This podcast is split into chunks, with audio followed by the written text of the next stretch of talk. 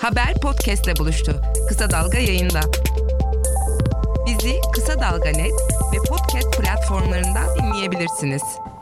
Biz Türkiye'de gündemin bir türlü boş kalamamasından şikayet edip dururuz ama aslında Britanya'da son zamanlarda benzer bir e, hastalıktan muzdarip diyebiliriz.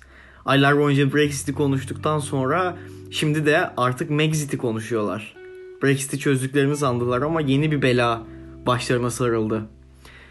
Aslında artık hepimiz gayet yakından biliyoruz. 8 Ocak günü Meghan Markle ve Prince Harry açtıkları ortak Instagram hesabından e, bir not yayınladılar ve kraliyet ailesindeki görevlerinin birçoğunu bırakmak istediklerini ve Kanada'da kendilerine yeni bir hayat kurmak istediklerini söylüyorlardı. Ve bu notu yayınlayacaklarımı aslında Kraliçe Elizabeth'e dahi haber vermemişlerdi. Ve zaten Markle da çocuğu Archie ile beraber Kanada'ya çoktan gitmişti. Görev e, Harry'nin üstüne kaldı aslında. Ve sonrasında da aile acil bir toplantıya çağrıldı. E, kraliçeye en büyük desteği bu dönemde e, birkaç ay önce çocuk tacizciliğiyle suçlanan Prince Andrew oldu. Aslında tartışma basit gibi gözüküyordu. Harry ile Meghan halktan gelen vergilerle toplanan paradan beslenmeye devam edecekler miydi, etmeyecekler miydi? Yani onların önerdikleri şey kraliyet ailesinden tamamen çıkmak değil, yarı zamanlı kraliyet mensubu olmak gibiydi aslında. Fakat kraliyet ailesinin bunu kabul edip etmeyeceği e, pek bilinmiyordu. E, bu toplantının ardından olaylar gelişti ve en sonunda e, ailenin kararı ikilinin bütün kraliyet mevkilerinden ayrılmaları yönünde oldu. Hemen sonrasında da Harry zaten e, uçağa atladı ve Kanada'ya karısının ve çocuklarının yanına gitti. Aslında bütün bunların bir öneminin olup olmadığı sorgulanmaya değer bir konu. Çünkü baktığımız zaman bütün işleri gizem yaratmak olan ve siyasete de karışmayan aslında sadece İngiltere'ye dair eskiden kalmış bir fantazinin ürünü bir aileden bahsediyoruz. Buckingham Sarayı'ndan çıkmayan, çıktıklarında basının göz bebeği olan ama aslında işleri güçleri o duvarların arkasında e, bir yaşam sürdürmek olan bir aileden bahsediyoruz. Yani bütün bunların bir önemi var mı sorusuna cevap bulunması gerekiyor. Aslında Harry'nin Kanada'ya gitmeden önce yaptığı konuşma buna dair birkaç ipucu öneriyordu. Harry diyordu ki medya bana karşı kazandı. Medya çok güçlü diyordu. Bunun ne demek olduğunu iyi anlamak lazım. Burada iki farklı bakış açısıyla karşı karşıya olabiliriz. Birinci soru medya ne yaptı? Ne yaptı da Harry medyaya karşı yenik duruma düştüğünü söyledi. Bu noktada birçok yazar, ilerici, solcu diyebileceğimiz gazetelerin yazarları İngiltere medyasında ki çoğunluğu muhafazakar e, çizgide yayın yapıyor. Bir ırkçılık zehrinin dolaştığını ve bu ırkçılık zehrinin de e, Meghan Markle aileye girdikten sonra Meghan ve Harry'nin üstüne oldukça sıçrattığını ortaya koydular. Örneğin Kate Middleton yani Prince Charles'ın eşi Kate Middleton ile Meghan Markle durmadan kıyaslanıyordu. Oysa Kate Middleton çok daha e, ailenin değerlerini içine sindirmiş gibi gözüken, çok daha ailenin onayını kazanmak için ve veya ailenin çizdiği sınırlar içinde yaşamayı kabul etmiş e, bir insan profilinde. Oysa Meghan Markle'a baktığımızda aileye katılmadan önce gayet ilerici politikalar savunan, kadın hakları için, iklim krizi için konuşmalar yapan, aktivist kimliği olan bir aktrisle karşı karşıyayız. Yani aslında kendini bir aileyle değil birey olarak tanımlayan bir kadınla karşı karşıyayız. Bu garip manşetler oldukça uzun süre sürdü. Ve ırkçılık var mıydı? Doğrusu bu sorunun cevabı çok kolay elde edilebilecek bir mevhum değil. O yüzden de ikinci konuya bakmamız lazım. Bunu medya ırkçı olduğu için mi yaptı?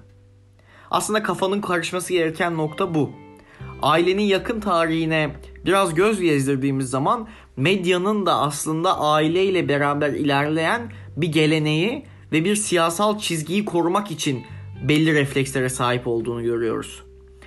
Çünkü örneğin 60'larda kraliyet ailesinin e, toplum üzerindeki etkisi ve İngiltere ile bağdaşması oldukça azalmıştı. Yani sadece eski değerleri temsil eden ve kimsenin pek de umrunda olmayan bir yapıya dönüşmüştü kraliyet ailesi. Ama Prens Philip ve e, Kraliçe Elizabeth'in yeniden bir e, marka yaratmaya çalışmaları e, işin içine girince e, aslında kraliyet ailesinin pozisyonu da değişmeye başladı. Örneğin 60'ların başında televizyon ekranlarında yenen yemekler düzenlendi. Aile bireyleri birer magazin figürü olarak tanıtıldı ve 69'da da oldukça popüler olan Royal Family yani kraliyet ailesi belgeseli çekildi. Aslında kraliyet ailesi dediğimiz şey monarşiyi temsil eden bir yapıydı. Fakat bu kraliyet ailesi filmiyle beraber bir nevi geçmiş zaman kardeş yanları gibi bir aile yapısı da ortaya çıktı. Bu aile yapısı doğal olarak da magazin dünyasıyla, magazin basınıyla çok iç içe gitti. Hatta İngiltere'de kraliyet magazini diye tanımlayabileceğimiz bir gazetecilik türü de oluştu. Hiçbir güç siyasi güçleri zaten yoktu. O noktadan sonra da olmadı. Ama bol bol dedikodu verdiler. Ve özellikle 80'lerde Diana'nın ailenin radarının içine girmesiyle kraliyet ailesi neredeyse siyaseti devirecek bir noktaya geldi ve bir numaralı gündem maddesi oldu. Mahremiyetin yok olduğu bir dönem açıldı. Yani Diana'nın e, evinde fotoğrafları çıkıyordu. E, çocuklarının bahçede gezdirirken, çişlerini yaparken fotoğrafları yayınlanıyordu.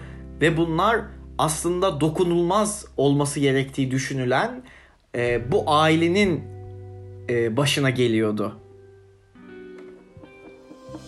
Kulağınız bizde, kısa dalgada olsun. Haber podcastle buluştu. Kısa Dalga Podcast. Tabii elbette bu sürecin sonunda e, Dayana'nın boşanması, aşkları, ondan sonra ölümü bir büyük bir trajedi hikayesine dönüştü. Ve bu trajediden yara alan e, kurumlardan bir tanesi de elbette kraliyet ailesi oldu ve 60'larda kurulan o marka bir nevi lekelendi. Bu lekeyi aşmak için de tekrardan yeni bir markalaşma çalışması yapılması gerekiyordu. Burada da Diana'nın oğulları Prince William ve Prince Harry'nin yani bugün aslında hepimizin yakından tanıdığı ve bugün gündemi oluşturan isimlerin iyi birer malzeme olacağı düşünüldü. Bir kere William ve Harry arasında kişiliklerin arasında oldukça derin farklar vardı. William kraliyet ailesinin temsil ettiği değerlerin o muhafazakar monarşiye dayanan geçmişi korumaya dayanan değerlerin ete kemiğe bürünmüş hali gibiydi. Ailenin çizdiği sınırlardan gidiyordu. Ailenin yolunu izliyordu. Ailesinin davranmasını isteyeceği şekilde davranmaya özen gösteriyordu. Yani William aslında iyi çocuktu. Zaten günün sonunda da Kate ile evlendi ve şu anda da çok popüler olmayan ama kraliyet ailesini sevenlerin sevdikleri bir ikili olarak hayatlarına devam ediyorlar. Öte yanda Harry ailenin asi çocuğuydu. Kraliyet ailesinin bir parçası değilmiş gibi davranıyordu. Bir parçası olmak istemediğini gösteriyordu aslında. Gençliğinde ateşli e, ev partilerinde görüntüleri çıkıyordu. Kolunda nazi flaması, flaması olan kostümlerle partilere katılıyordu. Sarhoş oluyordu. Çıplak videoları ortaya çıkıyordu. Ve Harry zaten sonrasında da ilerici politikaları savunan ve bu politikaları savunduğunu göstermeye çalışan bir profil ortaya koydu. Ailesinden uzak durdu. Ailesine pek yakınlaşmayı da e, pek yakınlaşmayı da denemedi. Aslında doğruyu söylemek gerekirse. Ve William'ın kendine uygun Kate'i bulması gibi aslında Harry de kendine uygun bir Meghan buldu. Meghan da çünkü daha önceden söylediğim gibi aktivisti, ilericiydi, yeni değerleri savunuyordu. Yeni bir siyasi akımı savunuyordu aslında. Bu yüzden de e, bugün Meghan ve Harry'nin kraliyet ailesini bir nevi terk etmeleri noktasına baktığımızda aslında aylardır hatta yıllardır belki 10 yıllardır süre gelen iki siyasi aksın da tekrardan birbiriyle çatıştıklarını görüyoruz. Bu iki siyasi aks muhafazakarlığı sürdürmeye çalışan, e, bir İngiliz muhafazakarlığına sığınmaya çalışan bir damar. Diğer tarafta ise geçmişle yüzleşmenin ve yüzü ileriye dönmenin benimsendiği ilerici bir damar. Doğru söylemek gerekirse aylarca tartıştıkları Brexit'te de bunun çok daha ötesinde bir çerçeve yoktu.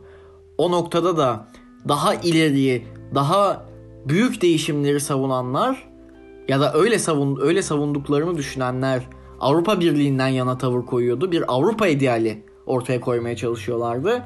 Öte yanda ise geçmiş nostaljisiyle, o duygusallıkla oy vermeye giden çoğunluğu yaşlı kitlelerse Brexit dediler. Ve bugün baktığımızda geldiğimiz noktada tekrardan bu iki aksın Megxit'te karşı karşıya olduğunu görüyoruz. Ve doğru söylemek gerekirse şöyle bir gerçek de var. Harry ve Meghan Kraliçe Elizabeth'ten sonra yapılan anketlere göre ailenin en popüler iki figürüydü. Bugün kraliyetin geleceğini tartışırken ne olacak zaten 6. sırada tahta çıkmak için, kraliyeti göğüslemek için diyenler bunu es geçiyorlar. Yani belki evet Harry hiçbir zaman e, kral olamayacaktı ama ailenin popülaritesini korumasını sağlayan unsurların en önemlilerinden bir tanesiydi. Ve aslında şunu da doğru ortaya koymak lazım. Kraliyet ailesini e, değerlendirirken onlar hiçbir şey değiller ki noktasından birazcık daha uzaktayız bugün.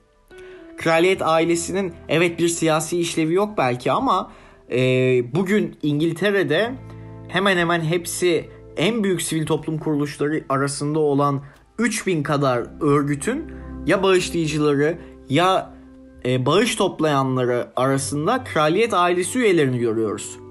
Yani aslında kraliyet ailesi bir nevi sivil toplum örgütü liderliğine e, soyulmuş gibi davranıyor. Böyle yapmaya çalışıyor.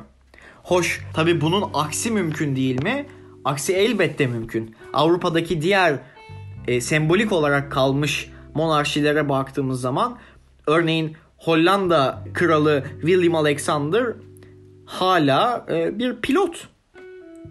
Ya da Norveç kralını devralan Prince Hakun eski geçmişinde uyuşturucu kullanımı olan yalnız bir anneyle evlendi. Ya da e, İsveç kralı Carl Gustaf 46 yıl boyunca 9-6 işe gitti. Doğrusu böyle baktığımız zaman aslında kraliyet ailesinin bir işlevi olup olmadığı e, sorusunu da tekrardan değerlendirmek gerekiyor. Ve elbette şöyle bir gerçek de var. Kraliyet ailesinin geleceğini tartışırken bu e, sivil toplum hareketini es geçmek pek mümkün değil. Ama popülaritesini de Megxit gibi olaylar haricinde gittikçe kaybeden bir yapıyla karşı karşıyayız. Ve asıl ailenin yara almasına sebep olan üye ne Meghan ne Harry'di. Çocuklara taciz hatta tecavüz ettiği bilinen ve bu yüzden e, hapis yatarken intihar eden Jeffrey Epstein'le yakın arkadaş olduğu ortaya çıktı Prince Andrew'un. Ve kendisi de benzer suçlamalarla karşı karşıya kaldığında televizyonda gazeteciler önünde titredi, cevap veremedi. Yani aslında kraliyet ailesine asıl beka sorunu olan Prince Andrew'du. Ama melez bir Kanadalı kız olarak Kanada'ya taşınmak istemediği için okların hedefi olmaktan çabuk kurtuldu.